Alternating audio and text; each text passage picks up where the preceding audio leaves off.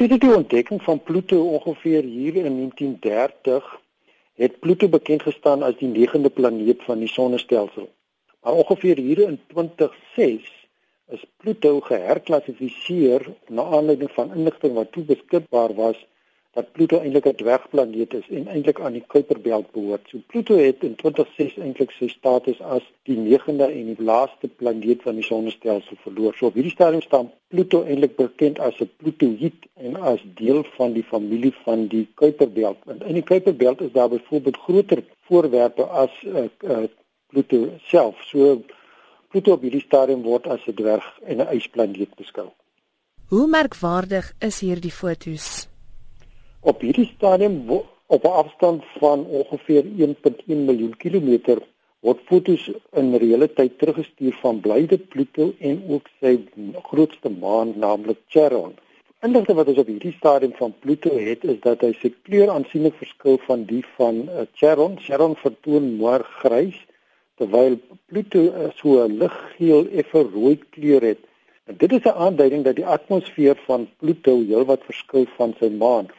En die vermoede is dat dit hoofsaaklik of die atmosfeer bestaan uit stikstof en dus ook metaan terwyl op Charon dit eintlik net 'n bevrore ys op hierdie stadium is wat herkenbaar is. Wat beteken hierdie fotos vir die wetenskap en navorsing? Die uniekheid van die New Horizons missie is eintlik dit is die eerste keer in die hele geskiedenis van die sonnestelsel dat 'n planeet soos Pluto besoek word deur 'n satelliet. So die satelliet is die eerste keer wat New Horizons daar verbykom. So al die inligting wat ons op hierdie stadium van Pluto inwin, is die heel eerste geskiedenis. So daar is nie nog voorheen inligting wat daaroor bekend gestaan het nie. So in al hierdie opsig is dit eintlik baanbrekerswerk wat gedoen word en die inligting wat ons kry is nie 'n herskryf van vorige feite nie, maar dis eintlik die skryf van nuwe boeke en nuwe inligting oor Pluto. So alles wat ons waarneem is heeltemal uniek en nuut. Wat kan navorsers uit hierdie fotos aflei?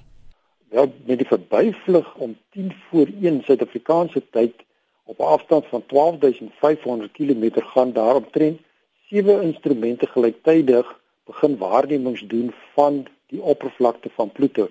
Dit gaan vir ons vertel wat is die geologiese samestelling van die oppervlakte, die samestelling van die atmosfeer, het Pluto byvoorbeeld 'n magneetveld ja of nee?